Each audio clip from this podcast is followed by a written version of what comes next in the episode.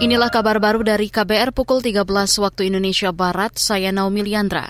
Saudara, terdakwa Ferdi Sambo kembali membantah keterangan Richard Eliezer atau Baradae dalam sidang lanjutan di Pengadilan Negeri Jakarta Selatan siang ini.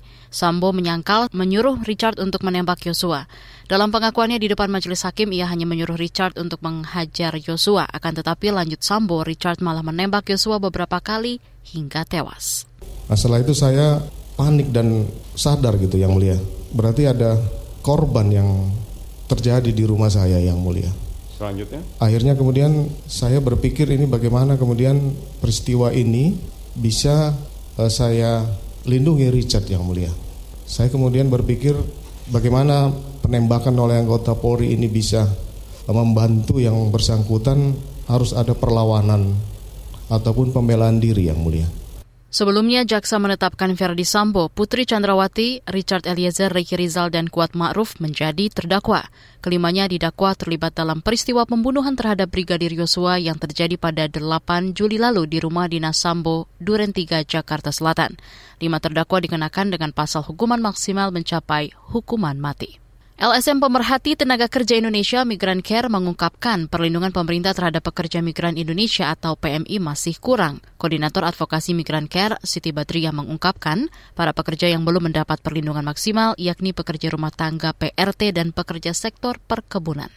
Faktanya memang teman-teman PMI yang ada di Malaysia itu perlindungannya masih kurang, apalagi yang teman-teman yang ada di PRT, sektor PRT, kemudian perkebunan kelapa sawit itu ya.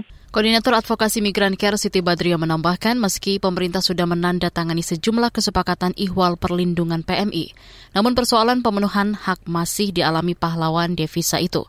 Dia juga meragukan program One Channel System untuk yang digunakan perekrutan dan penempatan PMI bisa benar-benar diimplementasikan dengan baik.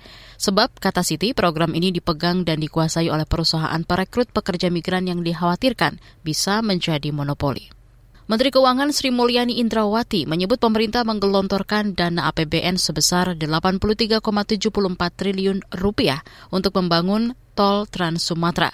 Mengutip CNN Indonesia, anggaran tersebut dikucurkan melalui penyertaan modal negara atau PMN kepada PT Hutama Karya selaku BUMN yang diberi penugasan membangun jalan tol tersebut. PMN itu diberikan secara bertahap sejak 2015 hingga 2022. Sri Mulyani menuturkan uang tersebut dipakai untuk membangun lebih dari 1.100 km jalan tol Trans Sumatera. Menurutnya keberadaan jalan tol Trans Sumatera bisa memperlancar konektivitas serta mendorong ke kegiatan ekonomi memakmurkan rakyat di Sumatera. Ia menjelaskan uang APBN termasuk yang berasal dari pajak masyarakat diinvestasikan untuk membangun infrastruktur penting dan strategis menopang kemajuan ekonomi. Saudara, demikian kabar baru KBR. Saya Naomi Liandra.